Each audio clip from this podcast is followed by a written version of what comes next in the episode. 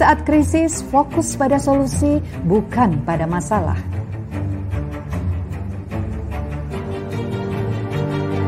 Kerjakan apa yang kamu cintai, hal ini akan membuatmu tangguh karena kamu menciptakan kebahagiaanmu. Temukan tim, di masa seperti ini banyak merasa senasib sepenanggungan, saatnya cari teman. Bagikan kebaikanmu, sekarang saatnya berbagi apa yang kamu miliki tidak harus berupa materi, bisa juga tentang semangat diri. Bahagialah karena bahagia bukan suatu harus berjalan baik, tapi bagaimana kita bisa merespon dengan cara yang lebih baik. Selamat datang di obrolan dapur ibu.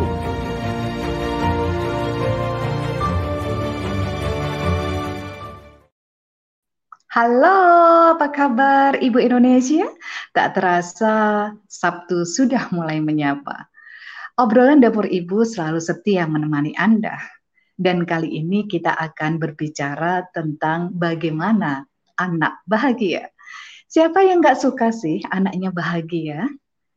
Kita kadang ingin sekali anak-anak kita bahagia. Tapi ketika mereka memutuskan untuk memilih kebahagiaannya, kadang kita jadi berpikir ulang atas keputusannya. Mengapa? Ya. Kemudian pengen gak sih punya anak yang merdeka gitu.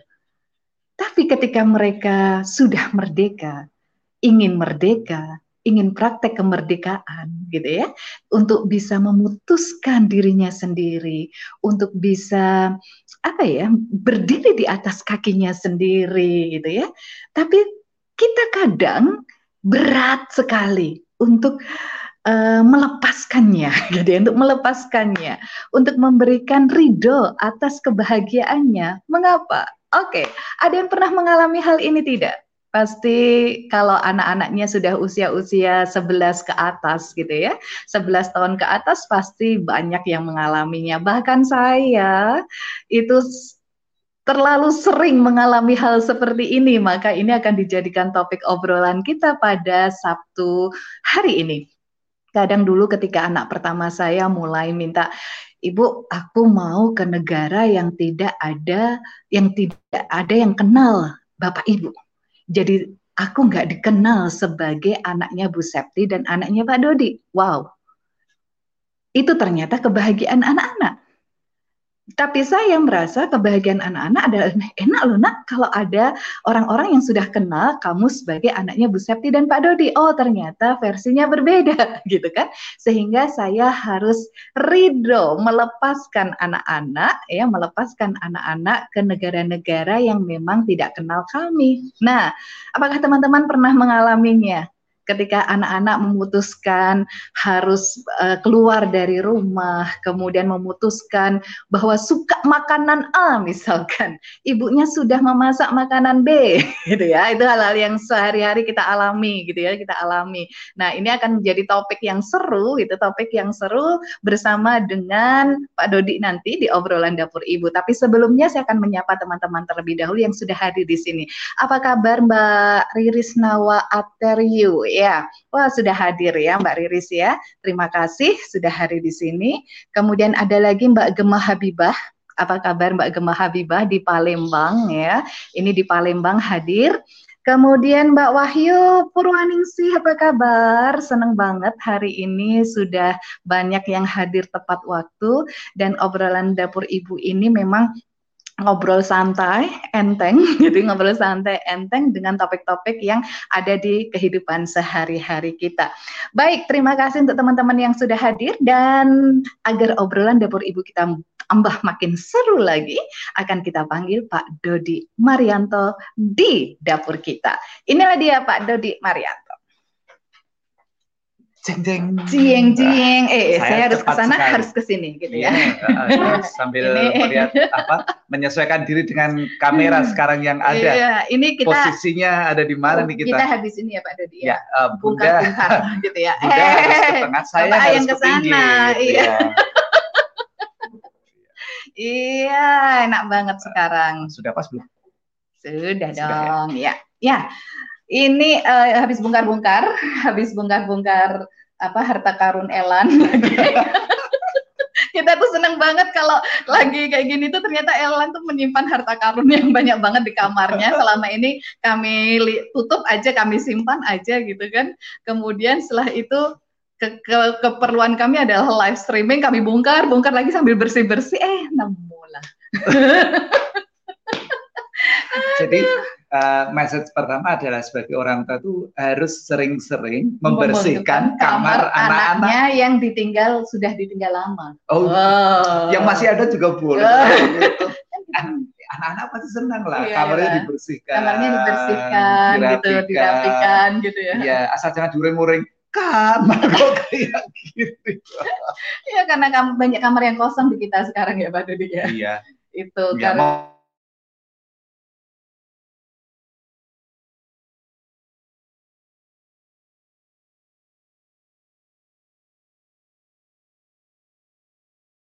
merebak ya. Masih betul. banyak merebak mm -mm. di di banyak daerah iya, di Indonesia betul, sehingga betul. kita perlu me, me, apa, tetap menjaga kewaspadaan. Ya, ya uh, meskipun sekarang ini sepertinya aktivitas sudah sudah tampak seperti biasa, mm -hmm. banyak sekali eh, warung-warung uh, yang sudah buka, mm -hmm. uh, lalu lalang mobil, motor di jalan raya yeah. juga sudah mulai banyak. Mm -hmm Uh, tetapi kita tetap harus Pasti. menjaga diri kita sendiri Betul. dengan menetapi protokol COVID Pasti. yang sudah ditetapkan. Sederhana kok, hanya setidaknya tiga hal yang yeah. perlu kita jaga, yaitu uh, menjaga jarak satu dengan yang lainnya, yeah. kemudian memakai masker, masker dan rajin mencuci tangan. tangan dengan air yang mengalir. mengalir. Gunakan sabun bila mana perlu. Mm -hmm. uh, tidak perlu sering-sering menggunakan desinfektan atau hand sanitizer untuk mm -hmm. tangan karena uh, kita juga merawat agar bumi bumi tidak di dibanjiri dengan desinfektan yeah. dan juga menjaga agar kulit tangan kita tetap uh, tidak terlalu kering yeah, yeah, karenanya. Aduh, ya ngomong-ngomong kamar kosong nih Pak Dodi tadi, gitu kan? Kamar kosong itu artinya adalah anak-anak sudah lama meninggalkan rumah ini, gitu kan?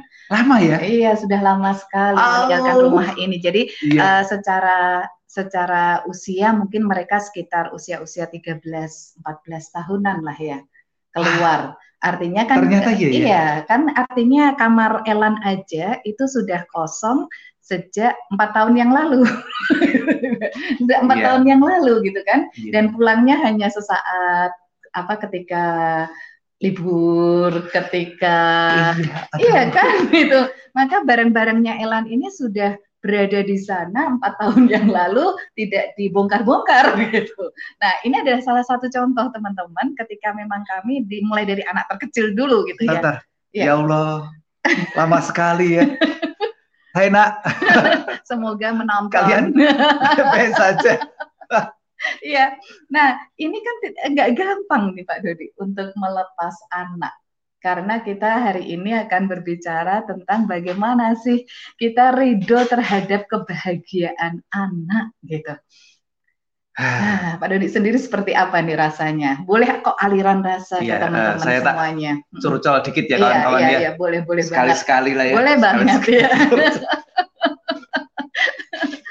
Waktu uh, yang paling dekat aja ketika uh, COVID ini mulai melanda dan ditetapkan sebagai pandemi di Indonesia, diakui yeah. sebagai pandemi di Indonesia ini. Yeah. Uh, anak-anak itu yang berkeluarga kan baru NS. Iya, betul. Jadi yang dua itu masih masih ceritanya uh, masih berada di dalam daftar kakak kami lah begitu. Iya, iya. masih tertulis Tercatat gitu ya, di dalam tercatat. daftar kakak. Sehingga ketika pandemi ini waktu itu hampir ditetapkan sebagai uh, situasi yang yang uh, darurat di Indonesia. Hmm. Kemudian uh, di beberapa kota sudah mulai ditetapkan pembatasan arus hilir mudik kendaraan hmm. uh, bahasa yang lebih halus untuk untuk kota itu ditutup hmm. dari hmm. Uh, aneka macam lalu lintas. Lindas, ya. uh, saya meminta anak-anak untuk untuk pulang ke Salatiga. Pemikirannya sederhana. Uh, sebagai orang tua saya akan lebih ayam jika bisa melihat anak-anak saya itu di depan iya. mata saya. Udah jadi satu gitu ya. Jadi satu. jadi satu. Setidak-tidaknya begini. Ya, iya, iya. Mereka bangun pagi, kami sudah bisa menyiapkan makan. makan. Lalu hmm. kami juga bisa melihat, oh anaknya sehat, alhamdulillah. Hmm, hmm. Uh, kami bisa memantau, andai kata, andai kata nauzubillah misalnya, andai kata kemudian sakit, kami juga uh, bisa cepat, bisa gitu ya? cepat ya? mengambil tindakan merawatnya dan lain hmm, sebagainya. Hmm. Itu pemikiran saya sebagai Seorang orang tua, ayah. orang tua dan lebih-lebih karena saya adalah kepala keluarga. keluarga. Iya. Lalu uh, tiba anak saya yang dua yang belum berkeluarga ini memberikan uh, pemberitahuan ini ini keputusan gitu ya. Ini ini betul-betul pemberitahuan, tidak lagi tidak lagi meminta pertimbangan. Ini pemberitahuan, pemberitahuan. atas keputusan mereka. Iya, betul. Bahwa mereka memutuskan untuk uh, memilih hidup uh, jauh dari kami hmm. agar dapat uh, uh, berproses mendapatkan pembelajaran yang lebih di masa yang sulit ini. Hmm. Kami memang banyak banyak bercerita uh, era dulu ya era era era era, era dahulu, dahulu gitu ya. Ketika Betul. kami sekeluarga menjalani masa krisis di tahun 98 sampai dengan 2000. 2000. Ya. Dan mereka mendengarkan cerita kami. Mm -hmm. Nah, kali ini mereka memilih untuk mengambil pembelajarannya sendiri. Mm. Tidak lagi mendengarkan dari sudut pandang kami dan, uh, untuk menghadapi krisis yang sekarang ini. Iya, iya, iya. Pertimbangannya mereka sampaikan dan mereka sampai pada keputusan. Nah, ah, ini sebuah sebuah sebuah apa? Ayah bunda boleh menyebut ini bumerang. itu efek gitu ya. Ayah efek bunda boleh menyebut gitu ini ya. sebagai konsekuensi. Iya betul atau apa pun lah bahasa yang lebih lebih bagusnya yeah, dari yeah, yeah, itu. Yeah. Tetapi ini memang uh, sebuah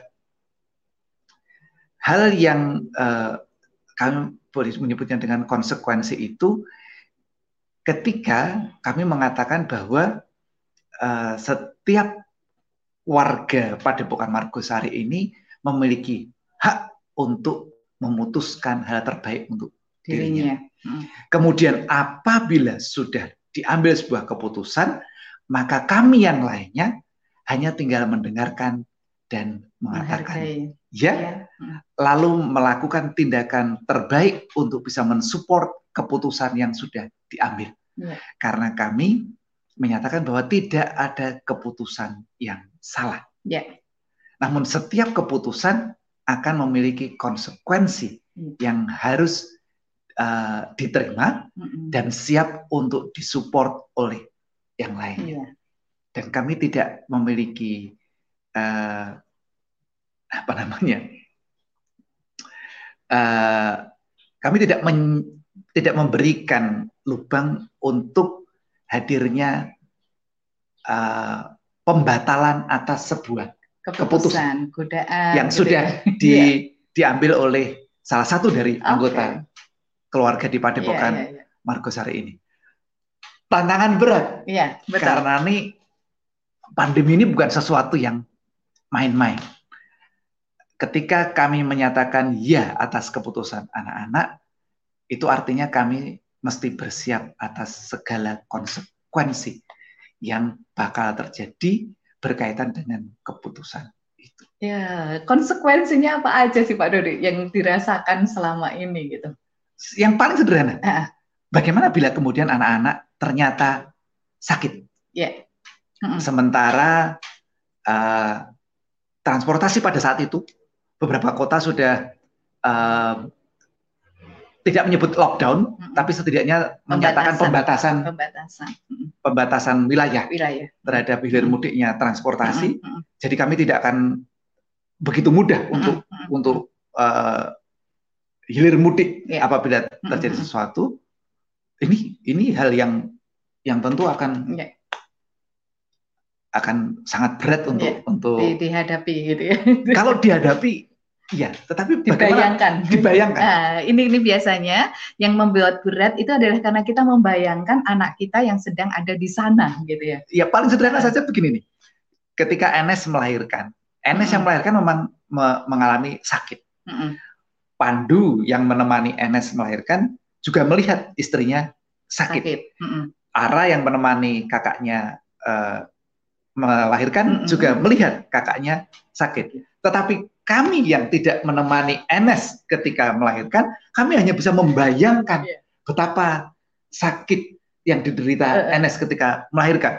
Bayangan itu terkadang jauh lebih lebih menyeramkan seram dibandingkan lebih dengan, menyeramkan kan dengan melihat mungkin, langsung mungkin uh, langsung. waktu itu uh, Ara sama Pandu yang langsung di lokasi nggak panik-panik amat gitu ya mungkin juga mungkin, ya. mungkin juga menghadapi mungkin, situasi itu ya, tapi bisa tetapi gitu tidak ya. se seheboh imajinasi iya, bayangan betul. kita atas hmm rasa sakit. Kita yang jauh itu, itu bisa langsung ke kamar mandi berkali-kali, gitu kan. makan nggak enak rasanya gitu. Itu akan terjadi yang seperti itu ya. Iya.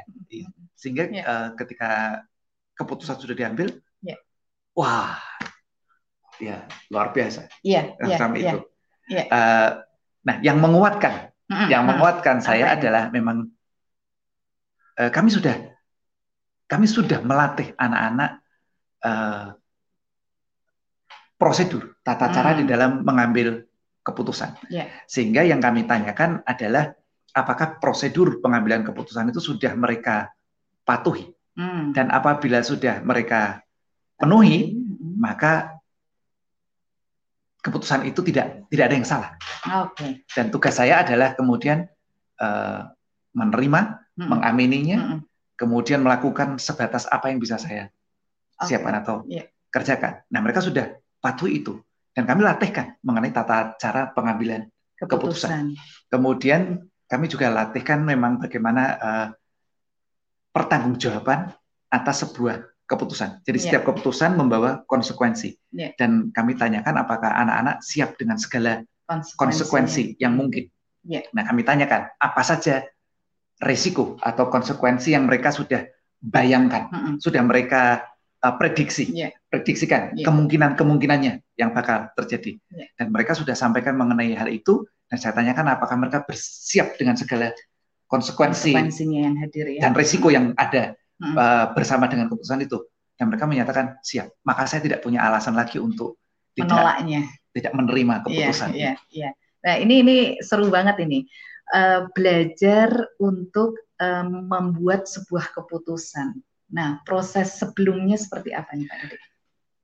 Apa bayangan kita sebagai sebuah uh, sebagai seorang orang tua mm-hmm. gitu yang kita inginkan dari anak-anak yeah. yang kita inginkan dari anak adalah ya, kita memiliki anak-anak yang mandiri itu kan cita-cita yeah. orang tua ya seneng banget ya uh, kalau anak-anak yang sudah mandiri, mandiri. Ya, kemudian betul. setelah mereka mandiri mereka juga tidak menjadi uh, egois apa hanya mementingkan diri sendiri yeah. tapi mereka juga menjadi anak yang soleh dan solehah yeah. yang berempati kepada yeah. uh, tetangga kiri kanan mm-hmm. lingkungan dan sekitarnya. Yeah. Kemudian mereka menjadi insan yang merdeka sekaligus juga memerdekakan uh, orang lain. Orang lain. Yeah. Itu kan bayangan-bayangan mm-hmm. kita tentang mm-hmm. anak-anak. Kemudian kita melatih anak-anak untuk bagaimana caranya mandiri. Mm-hmm. Uh, kita latihkan mereka tentang uh, life skills, mm-hmm. kemudian kita latihkan mereka tentang tata cara mengambil keputusan, kita latihkan mereka tentang uh, manajemen risiko, mm-hmm. kita latihkan beberapa hal yang perlu untuk mereka uh, mereka apa namanya miliki, mereka kuasai mm-hmm. berkaitan untuk menjadi insan yang mandiri, yeah. kemudian untuk menjadi insan yang soleh dan soleha, mm-hmm. untuk menjadi insan yang merdeka dan memerdekakan. Itu yeah. kan kita latihkan. Yeah. Bayangan kita mereka akan uh, menjadi insan yang seperti itu. Mm-hmm. Nah, apakah kemudian ketika mereka betul-betul menjadi itu, mm-hmm. kita kita dengan serta merta akan uh, terbebas dari segala uh, tantangan, tantangan. Gitu ya. apakah sudah selesai gitu? Ternyata tidak. Enggak juga. Gitu. Menjadi anak, uh, memiliki anak yang mandiri itu ternyata juga tidak mudah. Iya. Karena begitu mereka mandiri, kita yang penuh was-was. Loh, mereka kok kalau kayak perlu perlu was-was karena terlalu berani gitu ya. Berani, mereka kok berani, mengambil keputusan mengambil ini. Keputusan, mereka ya. kok berani mengambil langkah ini. Ya, betul, mereka betul. berani mengambil langkah ini. Ketika mereka berani mengambil langkah-langkah yang menunjukkan kemandirian mereka, ternyata saya sebagai bapak ini juga dipenuhi rasa was-was. Iya. Was-wasnya apa? Was-wasnya lebih karena bayangan. Nanti kalau begini bagaimana? Karena nanti kalau begini bagaimana? Justru itu bayangan orang tuanya ya. Itu yang, itu yang wajar itu. Itu sebenarnya normal. Iya, sebagai, wajar banget. Sebagai seorang orang tua. Karena kita melihat bahwa uh, anak-anak di mata orang tua itu tetaplah anak-anak. Anak. Meskipun yang... usianya sudah akhir balik gitu ya. Meskipun usianya bertambah, iya, bertambah masih tetap anak-anak. Saya yang sudah seumur lebih dari setengah abad ini di mata ibu saya Masih adalah juga tetap anak-anak iya. yang perlu untuk diberitahu untuk mencuci piring, yang perlu diberitahu untuk membereskan meja, yang perlu diingatkan Jewer. untuk yang masih perlu banyak diingatkan, ya, termasuk diingatkan untuk nyumbang tetangga, diingatkan untuk datang tahlilan. Yang penting anak itu di mata orang tua tetap anak. Tetap ya. anak. Iya betul. Itu meskipun iya. sudah berkeluarga juga tetap anak ya. Dan sekarang saya sebagai bapak, saya merasakan bagaimana uh, menjadi orang tua. Iya, ya, betul. Uh, bagaimana uh, saya memandang anak-anak saya yeah. sampai saat ini. Mm-hmm. Ternyata memang begitu itu. Yeah, yeah, Jadi yeah. saya makin memahami ibu saya dalam uh, mengambil keputusan segala apa yang yeah. berlaku sikap dan sebagainya itu memang kita ngerasain, ngerasain sekarang gitu sekarang ya. Nah, lalu kemudian saya belajar untuk uh, bagaimana menghargai kemandirian, kemerdekaan, kesaleh dan kesalehan anak-anak ini. Yeah. Tidak mudah juga memiliki anak yang soleh dan soleha itu. Hmm, resikonya apa, Pak? Loh, ini resikonya saja. apa ini? Sederhana ya. Soleh dan soleha. Ini ini ini ini logis ini kalau kemudian anak-anak kita itu kita ceritakan mengenai uh, kisah Umar bin Khattab yeah. yang me mensedekahkan 50% dari hartanya. Mm. Lalu tiba Abu Bakar As-Siddiq mengatakan mm. uh, bahwa Abu Bakar As-Siddiq mensedekahkan 100% semua hartanya. Lalu hingga Rasulullah Shallallahu Alaihi Wasallam menyatakan, lalu apa yang kau tinggalkan untukmu dan keluargamu? Dan Abu Bakar as mengatakan Allah dan Rasulnya cukuplah okay. untuk mereka semua. Yeah. Lalu kita mengatakan sungguh mulia Keren banget Umar bin Khattab dan Abu Bakar As-Siddiq radhiyallahu itu luar biasa. Mulia sekali. Coba perhatikan. Praktek keren. Bila kemudian yeah. anak kita melakukan hal yang sama dengan Abu Bakar As-Siddiq yeah. dan Umar bin Khattab, apa pendapat Bapak Ibu sekalian? itu pengalaman itu Pak Dodi. Pengalaman ketika waktu anak kecil-kecil pengen makanan yang enak banget gitu kan. Pengen makanan yang enak banget dan mahal. Waktu itu kan kita masih kerepotan gitu ya. Kemudian uh, akhirnya ada rezeki saya belikan makanan itu kemudian sudah ada. Eh ternyata makanannya itu dibawa keluar untuk makan bersama teman-temannya. Ini waktu kecil mereka saya mikir aduh oh mau dibagi-bagi ya ternyata. Gitu nah coba. ini hal-hal yang ini anak-anak soleh soleh soleh, gitu, soleh. Gitu, kan, coba. Memberikan yang terbaik kan? Iya. Nah. dan Ar semuanya. Memberikan semuanya. Berat. Atau ringan kayak gitu iya itu. iya iya. Konsekuensi konsekuensi ya. betul betul lalu betul. kami melatihkan pada anak-anak ini bahwa pemimpin itu makan paling terakhir. Ya jadi ketika uh, dan memberikan yang terbaik. Iya, betul. Jangan berikan yang sisa. Iya. Lalu anak-anak ini mengeluarkan baju-baju dari almarinya yang terbaik dia bagikan kepada teman-temannya. Anda sebagai orang tua, emaknya, saya sebagai orang tua. Emaknya terutama gitu kan. Kira-kira bagaimana perasaan? ini. Nah, itu kan baju masih bagus. Iya bukan? Iya, ternyata itu, kita kadang nggak ridho bahwa itu kebahagiaan anak loh itu. Jadi men, memiliki anak yang soleh dan soleha itu juga mm -hmm. memiliki konsekuensi. Iya, kita betul. sebagai orang tua, mm -hmm. Jadi kita kita melatih anak-anak dan mereka menjadi, mm-hmm. terkadang justru kita yang tidak siap. Iya. kita latih anak-anak untuk mandiri, ketika mereka betul-betul mandiri, bisa mengambil keputusan yeah. sendiri, bisa menerima segala risiko dan konsekuensi atas keputusannya. Betul, betul. Kita sendiri yang kemudian merasa, lo kok gitu? Kok sekarang Emang sih? kamu nggak mikir? lo malah kita yang uh, apa? Iya. terus terus kemudian apa? Sebenarnya kemudian justru kita yang banyak yang tidak Iya, siap. siap. Itu orang tuanya. Hari ya. itu sebagai betul, orang tua. Betul. Kita memiliki memelatih anak-anak untuk menjadi anak yang merdeka. Mm -mm. Ketika mereka sungguh-sungguh menjadi merdeka, mm -mm. kita tidak siap. Kita siap. Memiliki anak mereka. Kita melatih anak-anak menjadi soleh dan solehah ketika mereka betul-betul berperilaku soleh dan solehah. Mm -mm. Kita tidak siap dengan hal itu. Jadi uh, ketika berproses untuk menjadi menjadikan anak-anak kita itu insan yang mandiri, iya. soleh-soleh, intan yang merdeka dan memerdekakan. Sesungguhnya kita juga perlu untuk memproses diri kita sendiri sebagai iya. orang tua agar layak, ya. siap, ya. layak gitu ya. Ketika mereka menjadi, menjadi seperti orang-orang yang kita impikan mm-hmm. dalam hal ini. Mm-hmm. Aduh, memang siap itu nggak gampang. Eh, kan? Nggak gampang. Gak gampang. sedikit saja. Siap nggak gampang. Ketika ya. Enes usia 14 tahun berada di Singapura, Singapura Kemudian kita. Eh, sebentar, pilihan Singapura pun itu kan juga karena ada proses ya. Oh iya. Iya. Iya, ya prosesnya apa? prosesnya apa? Iya. Eh saya mau cerita sedikit uh, mengenai konsekuensi. Ketika yeah. Enes berada di Singapura, kemudian kami dikabari bahwa Enes sakit. Iya. Yeah. Apa yang kemudian segera serta merta terbayang? Kita harus segera berangkat mm -mm. ke Singapura. Mm -mm. Itu bayangan yang yeah. yang logis. Dan ketika situasinya tidak memungkinkan, apa yang terjadi kemudian? Oh, itu yeah, kan yeah. apa konflik konflik yang luar konflik batin mengaduk-aduk semuanya di sini ini benar. Yeah.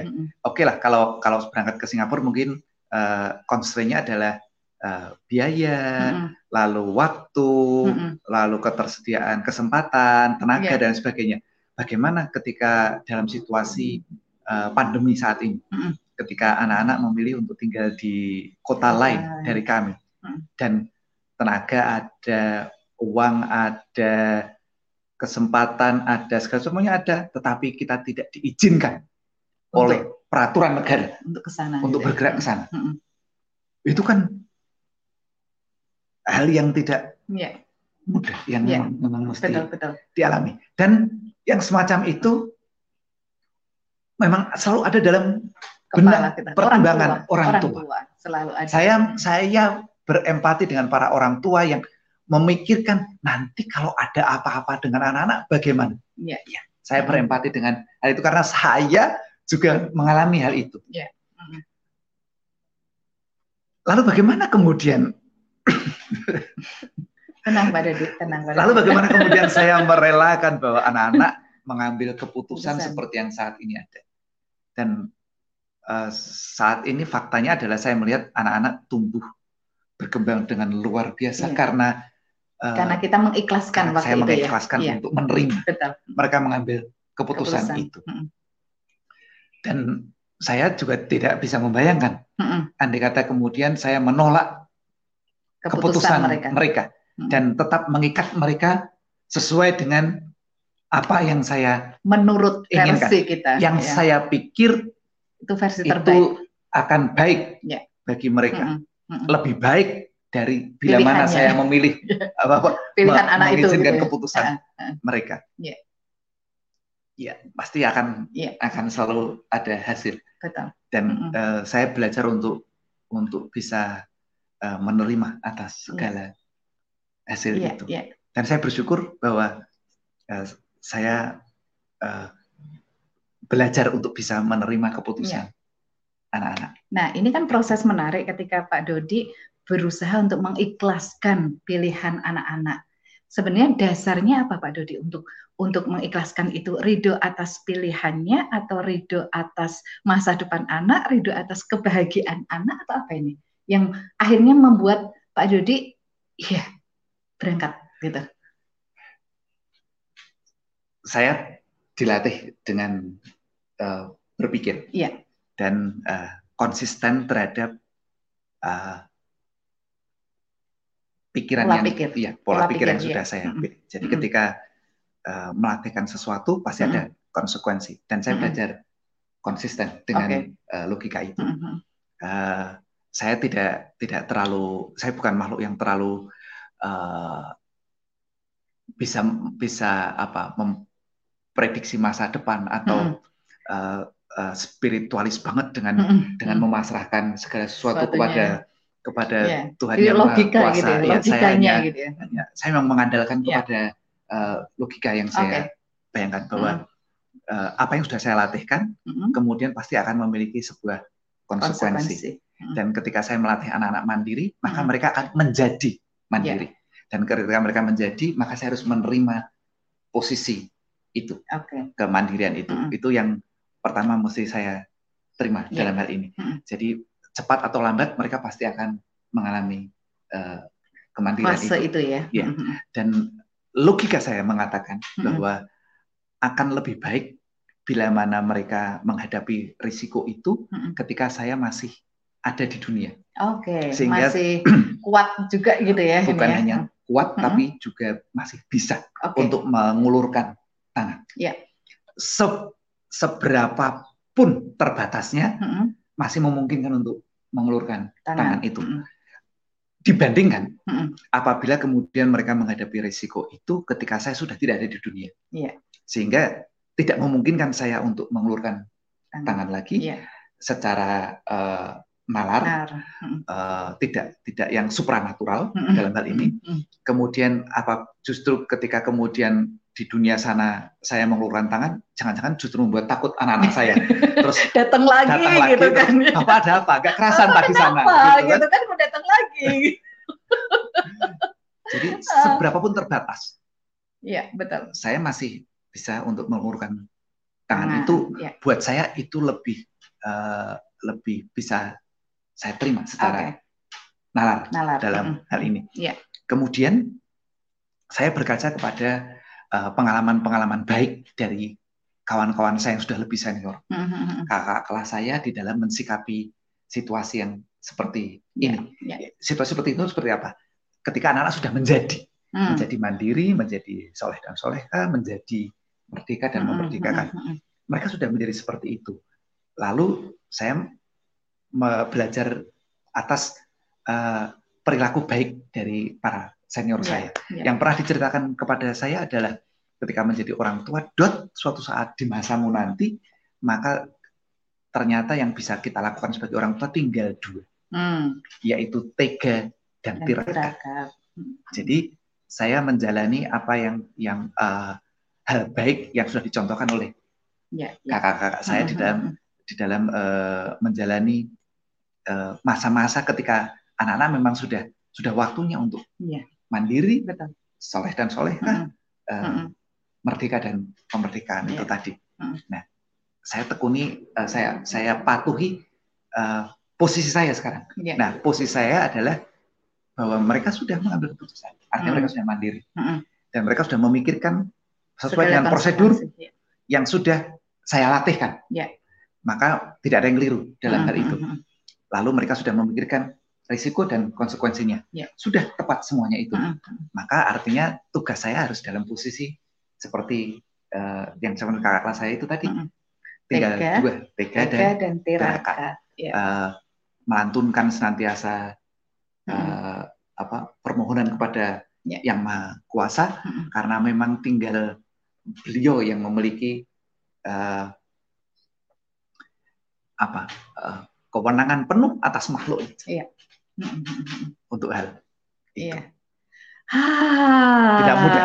Nggak mudah jadi teman-teman, kalau, ya betul ya. Uh, jadi kita perlu untuk jadi, apa namanya? Uh, saya malah mau tanya nih, jadi gimana hmm. nih? Mau mau membuat anak-anak mandiri atau iya tidak nih, mandiri kalau begini? Pertanyaannya nih, ya, pertanyaannya nih sekarang ya gimana nih ya?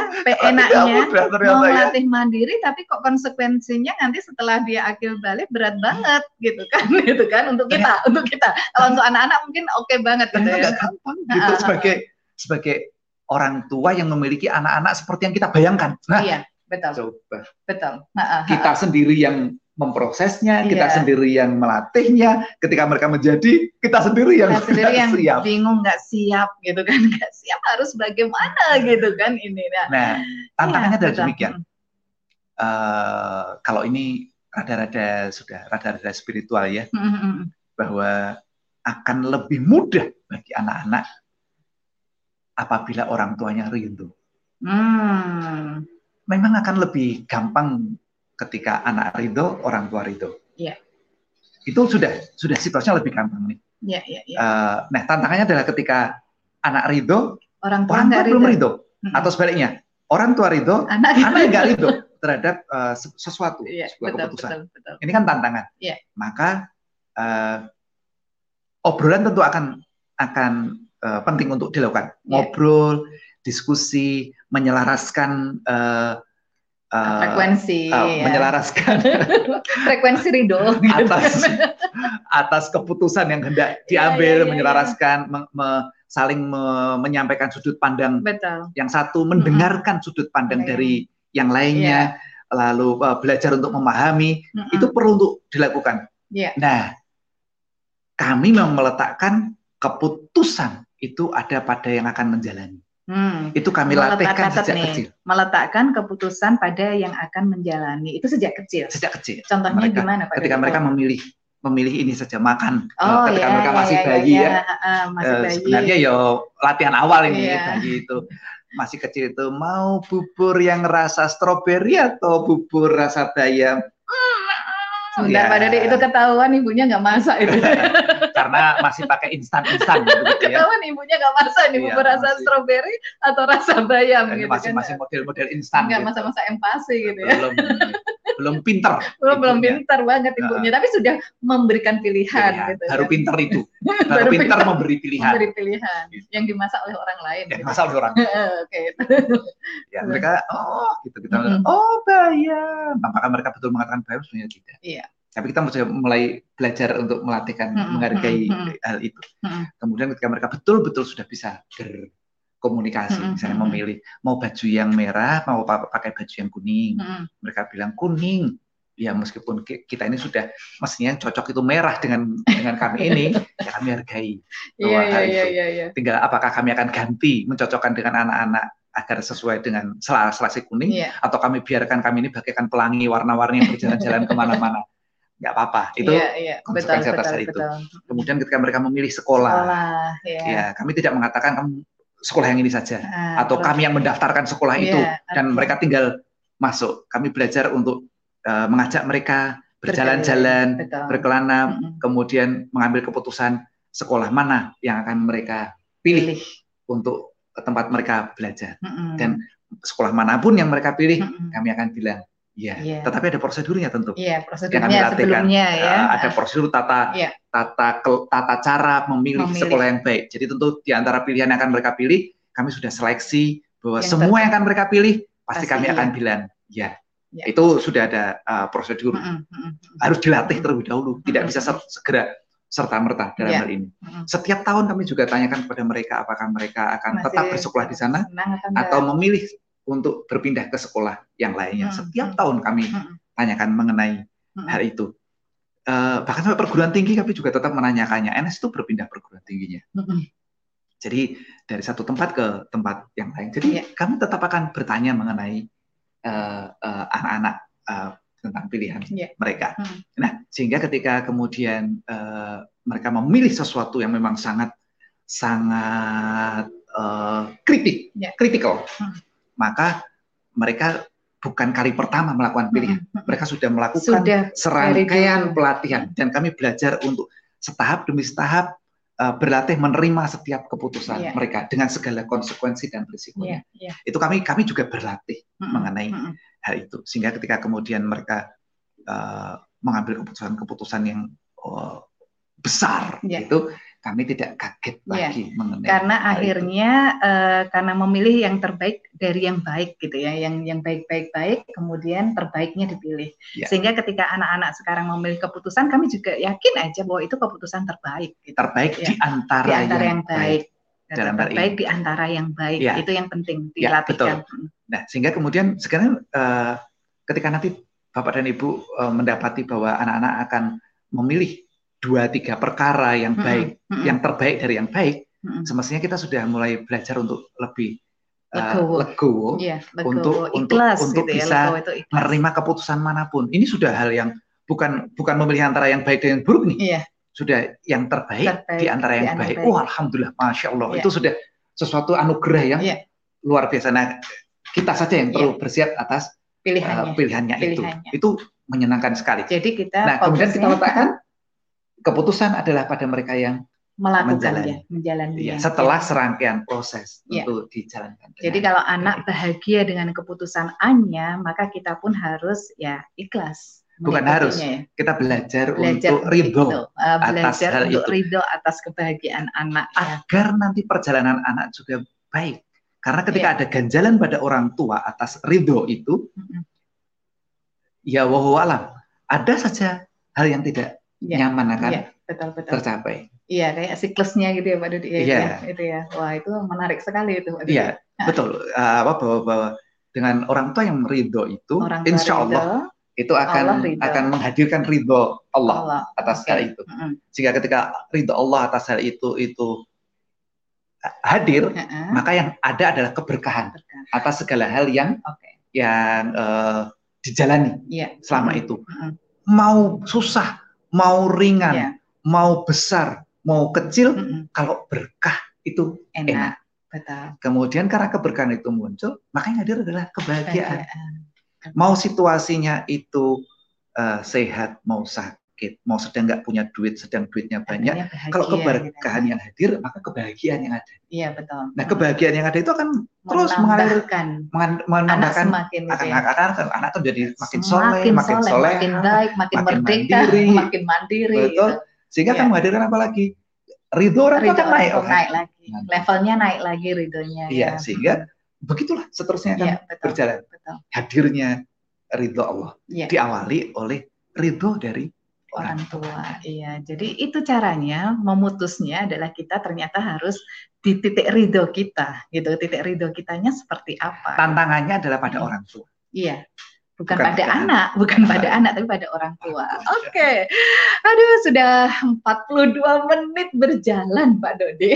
Ya, karena mohon maaf kalimat saya pasti akan baulet dan muter-muter.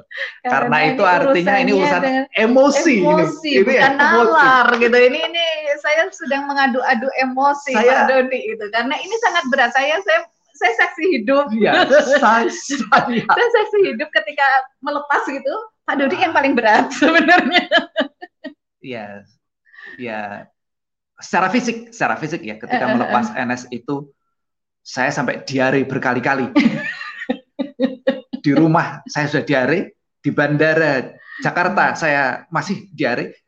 Begitu mendarat di Singapura, saya segera mencari kamar mandi karena saya masih diare belum habis itu secara fisik seperti itu secara fisik saya itu nggak bisa dibohongi ya saya saya dibohongi. saya akui hal itu ya. jadi ketika uh, nalar saya harus berbicara ya. uh, dengan emosi yang yang yang tidak mudah saya harus menata kalimat saya mm -mm. agar tidak karut marut uh, bercampur aduk dan tetap bisa urut iya dan kenyataannya tetap tidak. Enggak apa-apa, gitu ini Jadi natural. Saya, saya, saya mohon maaf pada pada ibu sekalian. Oke, okay. pada ini sudah banyak yang apa namanya yang apa bertanya Allah ya. Silahkan nanti teman-teman kalau kalau ada yang ingin di tanyakan lebih jelas biar Pak Dodi semakin teradu-adu emosinya gitu kan. Eh. Ini kesempatan yang menyenangkan. Saya minum ya. boleh. Boleh Pak Dodi. Biasanya minum itu akan me, apa ya? yang tegang-tegang itu sudah, sudah mulai. Ibu lihat itu saja, nggak usah komentarin Bapak. dikomentari nih. Oke, ada Mbak Riris, uh, bundanya Nawa ya, Sagara. Bapak Ibu, prosedur pemilihan keputusan itu apa saja kah? Ya, Nawa 8 tahun sangat tidak bahagia bila tidur siang. Bagaimana sebaiknya saya menyikapinya? Nah, loh, ya.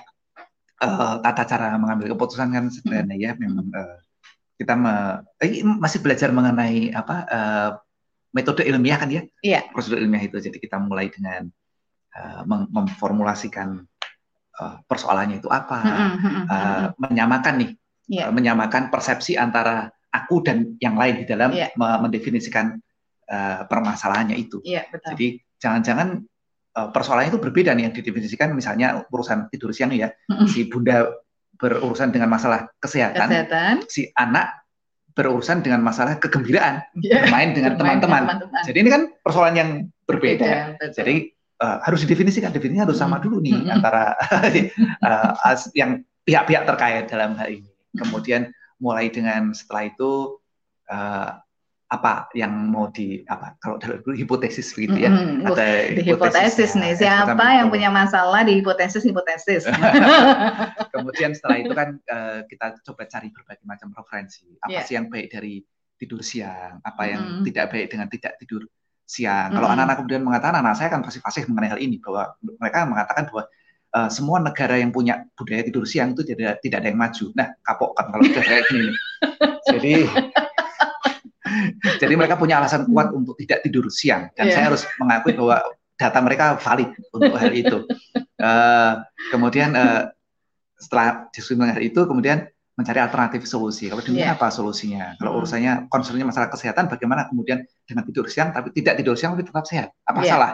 Mm -hmm. Nah, misalnya seperti itu. Mm -hmm. uh, alternatif solusi muncul kemudian pada uh, pemikiran mengenai uh, konsekuensi yeah. apabila uh, suatu keputusan diambil. Tidak, yeah. Setelah itu diambil keputusan dan setelah diambil keputusan maka dijalankan. Yeah. Tidak ada lagi pertanyaan. pertanyaan. Tinggal belajar untuk menerima segala konsekuensi atas keputusan yang diambil yeah. Yeah. seluruh pihak. Iya, berarti sudah legowo banget itu kalau sudah yeah. prosesnya sudah benar ya. Yeah. Yang penting prosesnya sudah benar ya, Proses ya Pak Dodi. Ya, betul. Jadi nantinya mm -hmm. kalau ada uh, resiko bagaimana? Kalau ada konsekuensi bagaimana? Ya diterima. Mm -hmm termasuk segala resiko dan konsekuensi yang belum dipikirkan juga mesti diterima. Yeah, yeah. Karena itu pasti terbuka peluang.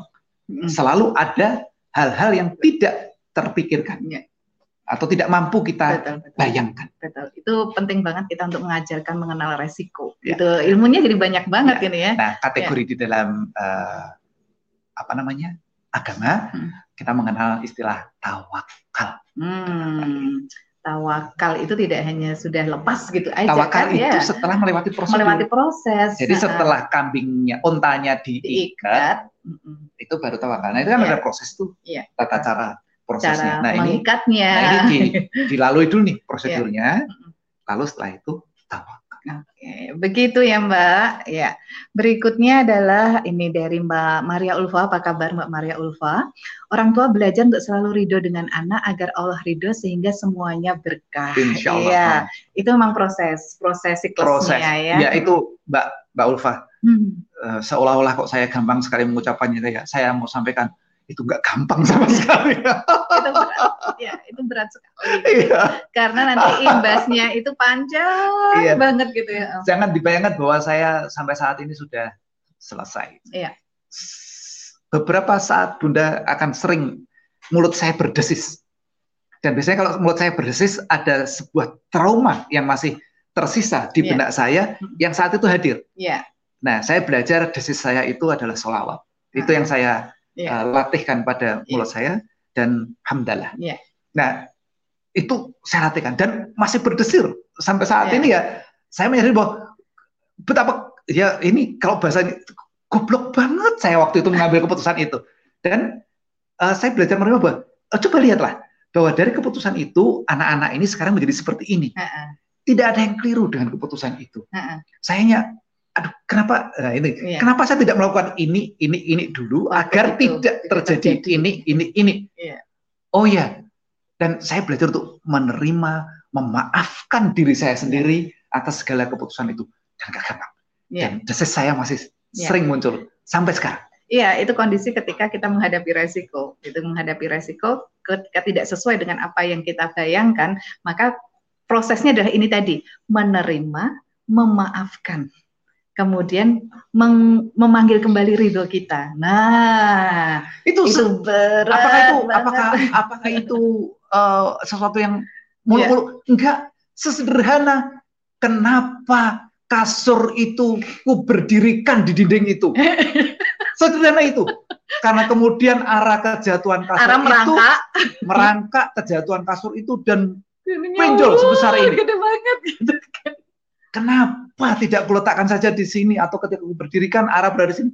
Itu sampai sekarang mulut saya masih sering berdesis atas yeah, hal itu. Betul, betul. Dan saya belajar untuk memaafkan dengan melihat bahwa lihat mm -mm. arah saat ini baik-baik saja. Mm -mm. Hal yang sama dengan Enes saya punya, Elan saya juga iya. punya. Iya, jadi dan yang punya. Kalau Ernest dan Elan ini mungkin rotok-rotok agak lebih sophisticated lah dibandingkan dengan Ara yang urusan kasur, kasur. berdiri itu. Kasur spring bed berdiri jatuhin bayi gitu kan itu. ya itu itu ya itu paling sepele, sepele. itu yang paling sepele. Dan itu bodoh banget buat saya sebagai orang tua. Gitu. Sebagai orang Elan orang teknik Enes, fisika tidak mengerti sudut memiringkan kasur yang aman. Itu kan bodoh sekali saya. Dan saya sulit menerima bahwa saya itu bodoh. Gitu, itu. Juara kelas. Iya. Oke, lanjut. Elva, apa kabar Elva? Ya. Uh, Bapak Ibu apa saja sih patokan yang Bapak Ibu buat dalam melatihkan prosedur pengambilan keputusan pada anak-anak? Uh, patokan sederhana kan prosedurnya dulu ya, Elva ya. ya. Jadi kita mengetahui dulu uh, apakah kita memang punya uh, struktur berpikir dalam pengambilan keputusan. Itu kan ada langkah-langkahnya itu. Ya. Nah, ambil saja langkah-langkah uh, itu dilatihkan. Hmm. Setelah kemudian dilatihkan, uh, pelatihan itu dengan ini apa uh, kognitif uh, apa me, me, memberitahukan, knowledge-nya yeah. diberitahukan dan dilatihkan dalam keseharian. Okay. Untuk hal yang sederhana saja urusan hmm. uh, jam berapa harus bangun, yeah. uh, apa yang harus dikerjakan, yeah. uh, memilih makan atau tidak makan, hmm. memilih, eh, yes, memilih-memilih yang semacam itu. Hmm. Keputusan-keputusan kecil itu dilatihkan, yeah. lalu dilatihkan untuk uh, mencermati ini konsekuensinya ini hasilnya. Kalau kamu melakukan ini konsekuensinya ini, lihat hmm, hasilnya. Hmm. Cocok atau tidak? Mengapa cocok, mengapa tidak? Uh, sesuai atau tidak? Oh, hmm. ada yang tidak terpikirkan ternyata uh, yang tidak terpikirkan risikonya ternyata hadir. Nah, kita belajar untuk menerimanya. Semuanya kan dilatih. Yeah. Ada latihannya, tahapannya. Nah, seberapa itu kemudian dianggap sudah memadai? Uh, tidak ada sesuatu patokan yang ukuran yang jelas mengenai hal ini, Pak. Tapi bahwa uh, kita nanti akan ketika kita membersamai anak-anak terus menerus mendampingi mereka ya. dalam setiap tahapannya, kita akan uh, tahu bahwa itu memadai atau tidak. Tidak ya. Saya mau sampaikan bahwa sampai kapan pun kita tidak akan pernah merasa cukup. Iya. Jadi bahkan ketika Enes sudah dilamar oleh Pandu dan sudah mulai akad nikah, hampir akad nikah, mm -hmm. saya tetap merasa masih ada yang kurang yeah, saja yeah, untuk melakukan ini. Yeah, yeah. Dan ya kemudian saat ini ketika NS sudah uh, bersama Pandu, uh. saya harus merelakan mengikhlaskan bahwa uh, eh, NS harus lebih me, me, memperhatikan, yeah. mematuhi uh keputusan yang dibuat oleh Pandu, Pandu. dibandingkan yang dibuat oleh bapaknya. bapaknya. Nah, saya harus belajar untuk kemudian melakukan sesuatu yang yang tidak lagi sama ya. seperti ketika NS belum menikah dengan ya. Pandu. Ya. Ini kan hal yang ya. yang ini. Betul, betul, Apakah betul. sampai sekarang saya sudah merasa cukup? Ya hmm. tidak. Sampai sekarang saya tidak. Apa ada perasaan menggoda itu, merasa tidak cukup, merasa tidak cukup itu akan datang ketika anak akan meng mengambil keputusannya itu tadi. Akan menikah, akan pergi keluar dari rumah kita, akan hidup sendiri. Nah, itu perasaan menggoda ya Pak Dodi ya. ya wah kan belum ku latih ini, belum ku latih ini, belum ku latih ini, tapi itu tidak akan uh, apa, tidak akan cukup waktunya untuk melatih ya tidak akan cukup ini sudah anak-anak sudah makin gede gitu kan sudah makin gede sudah bisa memutuskan dirinya sendiri ya sudah itu hanya perasaan kita saja nah gitu. memang memang uh, saya saya belajar untuk untuk ini ini ngayam-ngayami ya Ilva ya. Bahasa Jawanya itu ngalem-ngalem ngayam-ngayam. Ngayam-ngayam itu agak apa bikin menenteramkan hati gitu. Iya, betul. Bahwa setidaknya saya sudah melatihkan padanya struktur berpikir, berpikir. di dalam mengambil keputusan ya. dan belajar untuk manajemen risiko, menerima segala risiko. konsekuensinya. Ya. Itu. Betul, betul. Saya latihkan mengenai hal itu dan -huh. saya tidak uh, tidak hanya menyandarkan pada ya nanti kan juga bisa sendiri. Ya. Setidak-tidaknya demikian. Iya. Sehingga kalau ada struktur-struktur berpikir yang kadang belok-belok sana sini itu kami kadang ini nalarnya mulai bergetar. Ya, dan uh, sering agak sulit untuk bisa menerima dengan. Menerima, aduh ini nalar harus harus dibenerin. Gimana harus dibenerin ini? Nah, nah, lalu kami belajar untuk melihat bahwa area mana yang kami yeah. boleh masuk dan area mana yang kami tidak boleh. Iya. Oke, lanjut. Maika, apa kabar di Bogor? Tega dan tirakat, ibu bapak adakah pengalaman saat ibu dan bapak sudah tega, tetapi eyang atau keluarga besarnya anak-anak protes? Apa yang saat itu ibu bapak lakukan? Oh iya, nah, iya ya. banyak sekali Mbak Ika. banyak yang semacam banyak banget ya. Oh iya, semacam keputusan bahwa anak-anak memilih untuk homeschool misalnya. Iya. Keputusan memilih anak-anak untuk uh, mulai uh, apa keluar dari rumah. Yeah. Ya. Uh, wah banyak sekali termasuk keputusan tentang prosesi pernikahan. Wih, ah, itu. itu sampai ke prosesi pernikahan itu masih tanda tanya. Ya. Terus keputusan tentang bagaimana tata cara melahirkan. Ya. Itu juga sampai hari ini ya. Banyak, ya, banyak banget protes. Dan kami, saya sebagai anak terhadap ibu saya, hmm. tugas saya hanya mendengar yeah. kemudian memohon untuk senantiasa mendapatkan restu dari beliau. Yeah. Yeah. Dan memang tidak perlu banyak menjelaskan, yeah. karena dunianya mungkin sudah banyak berbeda. Hmm. Uh, semakin panjang penjelasan saya, justru akan mengundang banyak perdebatan. Yeah. Maka uh, mendengarkan, yeah. manggut-manggut, mm -mm. senyum, mm -mm. lalu berikutnya nyuwun pangestu. Iya. Gitu Dan kami berbagi peran, Maika. Jadi gini, uh, apa namanya? Kalau anak-anak sudah bahagia dengan keputusannya dan kami sudah ridho, ternyata eyangnya belum, maka saya bilang jalan dulu aja. Terus nanti bapak ibu yang urusan sama eyang, yang berusaha untuk uh, membahagiakan eyang apa ya, eh, agar eyang ridho itu ya, urusan itu, bapak ibu. Gitu. Itu keputusan apa? Itu kewajiban dari kewajiban kita sebagai ya. uh, orang tua dan sebagai anak dari iya. ke ibu kita gitu ya. ya. Kenapa topik kita jadi kayak gini ya? ini, badan saya ini geraknya sampai sampai gerak sampai, sini, gerak sampai sini. Bingung harus kadang oh, ada pesanan. Iya, iya, iya, iya, lanjut nggak apa-apa Pak Dodi. Melihatku saja Pak Dodi iya. kalau lagi nggak enak gitu rasanya gitu kan itu. Ya punten ya. Bunda. Oh, nggak apa-apa, nggak apa-apa ya. Aman kita Eva. Terima kasih Eva. Nggak apa-apa. Engkau menyelamatkan mukaku Eva. Bapak dan Ibu, jika Anda sudah memilih suatu keputusan, namun sebagai orang tua ada pertimbangan atau keberatan dengan keputusan yang dipilih anak karena berbasis pengalaman orang tua zaman dulu. Nah, apakah alasan keberatan itu sebagai orang tua harus disampaikan pada anak supaya jadi bahan pertimbangan ulang untuk keputusannya? Ataukah ya sudah kami sebagai orang tua memilih untuk menggigit lidah dan memberikan restu terima kasih. Kelihatan wajah kita lagi toeng. Kalau itu hmm. tentu saja uh, perlu perlu udah nggak usah iya. maju-maju iya. lagi gitu Pak Dudi. Ya, ya Allah, uh, itu ada di dalam uh, apa namanya fase pertimbangan ya saya. Iya betul. Jadi kan sebelum mengambil keputusan ada fase pertimbangan Ilva. Iya. Uh, itu kan menimbang dan seterusnya. Ya, mengingat dan, dan seterusnya, seterusnya gitu kan itu sebelum memutuskan bukan? Iya betul. Ya, jadi kita perlu uh, memberikan pertimbangan. Iya. Ini loh dulu ya boleh cerita kan? Eh, dulu dulu ayah begini, dulu bunda begini, yeah. dulu kakek begini, yeah. dulu ada temanmu begini, mm. eh ada ini pak ini begini, mm. eh ada mbak ini begini itu aneka pertimbangan. Yeah. Nah agar anak-anak juga memahami bahwa oh, ada berbagai oh, bahwa ini bukan mungkin bukan kasus pertama yeah. oh, yang akan dijalani. Mm. Nah setelah aneka pertimbangan itu baru kemudian kan keputusan. Ya, Ada alternatif nih, oh kalau begitu kamu nanti kalau begini akan bisa begini. Itu melihat risikonya. Hmm. Kalau begini bisa begini, kalau begini bisa begini. Nah, persilahkan kemudian anak-anak mempertimbangkannya, kemudian uh, memutuskannya. Ya. Tentu saja, ini tentu saja Eva, hmm. bahwa ketika anak-anak memutuskan itu kita sebagai orang tua itu juga akan uh, mengala, uh, menerima, uh, mendapat kan konsekuensi dari keputusan iya, anak-anak ya, itu. Betul. Kalau dalam bahasa Jawa, Ilva, kamu kan sekarang dari salah tiga ya belajar bahasa Jawa dikit-dikit. di Jawa itu ada nama ini, anak molah bopo keprada. Hmm. Itu kalau anak mengambil suatu tindakan, orang tua pasti akan menerima konsekuensinya. Konsekuensi. Misalnya begini nih, kalau uh, tadi anak-anak sudah memilih sekolah mana yang akan mereka masuki untuk belajar, tentu apakah mereka yang akan membayar? Kan bukan. Ya. Orang tua yang akan membayar. Hmm Nah, kalau tiba-tiba mereka memilih sekolah yang mahal, kan habis semua tabungan saya itu, Pak.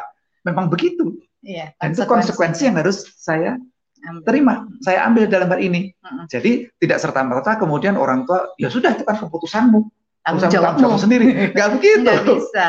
Gak Tapi bisa. tetap akan ada ada hal yang yang kita sebagai orang tua juga akan akan terlibat di dalam yeah. keputusan yeah. keputusan itu, yeah. konsekuensi keputusan itu. Yeah. Dan kami belajar untuk menerima itu. Yeah. Nah, agar kita nanti juga punya ukuran mm -hmm. di dalam uh, pengambilan keputusan mm -hmm. itu, maka tentu aneka macam pertimbangan kita bisa obrolkan. Yeah. Misalnya nih dalam mengambil keputusan untuk uh, sekolah, kan tidak serta merta saya juga akan memasukkan dalam pilihan itu sekolah yang saya tidak akan bisa kuat untuk untuk me ya. membayar segala kelengkapan administrasinya. Betul. Nah, misalnya seperti itu. Itu uh, contoh sederhana dalam hal ini. Iya. Jadi memang kalau sudah mengambil keputusan, itu kita tidak boleh membuatnya itu keputusan anak saja. Itu menjadi keputusan kita. kita. Itu. Sehingga ketika nanti konsekuensinya ternyata berbeda dari bayangan kita, kita tidak boleh menyalahkan anak-anak. Ya. Gitu. Maka ya janganlah memasukkan hal-hal yang sudah pasti akan kita tolak ya. di dalam uh, alternatif pilihan keputusan. Ya. Misalnya, misalnya kita itu nggak bisa pisah dengan anak. Ya. Lalu kita masukkan pilihan kamu boleh memilih mau sekolah di kutub utara, mau sekolah di kutub selatan, di padang Sahara. Kita masukkan dalam pilihan. Dan begitu anak betul memilih, untuk sekolah di tempat yang jauh, lalu kita bilang, kok di sana sih yang lain aja? Lalu kita dengan kekuasaan kita sebagai saya bapak, saya ibu, dengan ini mengambil hak untuk melarangmu, hak veto untuk memilihkan sekolahmu. Sudah nak, dicengek saja atau di kali cacing yang ayah bunda bisa wirawiri bisa wira-wiri lari aja bisa naik becak juga bisa gitu nah itu uh, iya. jangan sampai kita menganulir keputusan yang sudah diambil anak karena yeah. kita lalai untuk memberikan aneka batasan yang memang kita juga uh, mampu yeah. untuk menerima konsekuensinya. Yeah. Aduh, satu jam nggak terasa Pak Dodi. Terasa buat saya. udah deg-degan gitu ya. Aduh, rasanya ini mengulik nostalgia masa lalu soalnya. Aduh.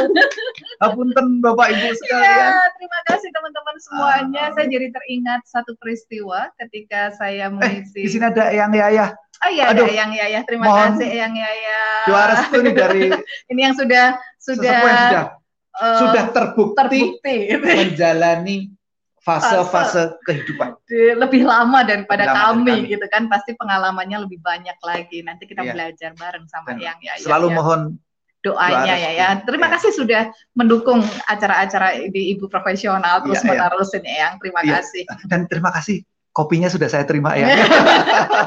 Pak Dodi senang banget ya dapat kopi. Iya. Iya teman-teman, saya teringat suatu peristiwa ketika saya apa namanya uh, uh, seminar di daerah kepulauan gitu ya tentang ibu profesional waktu itu. Kemudian di luar tiba-tiba ada anak menangis. Kemudian wah resiko, resiko.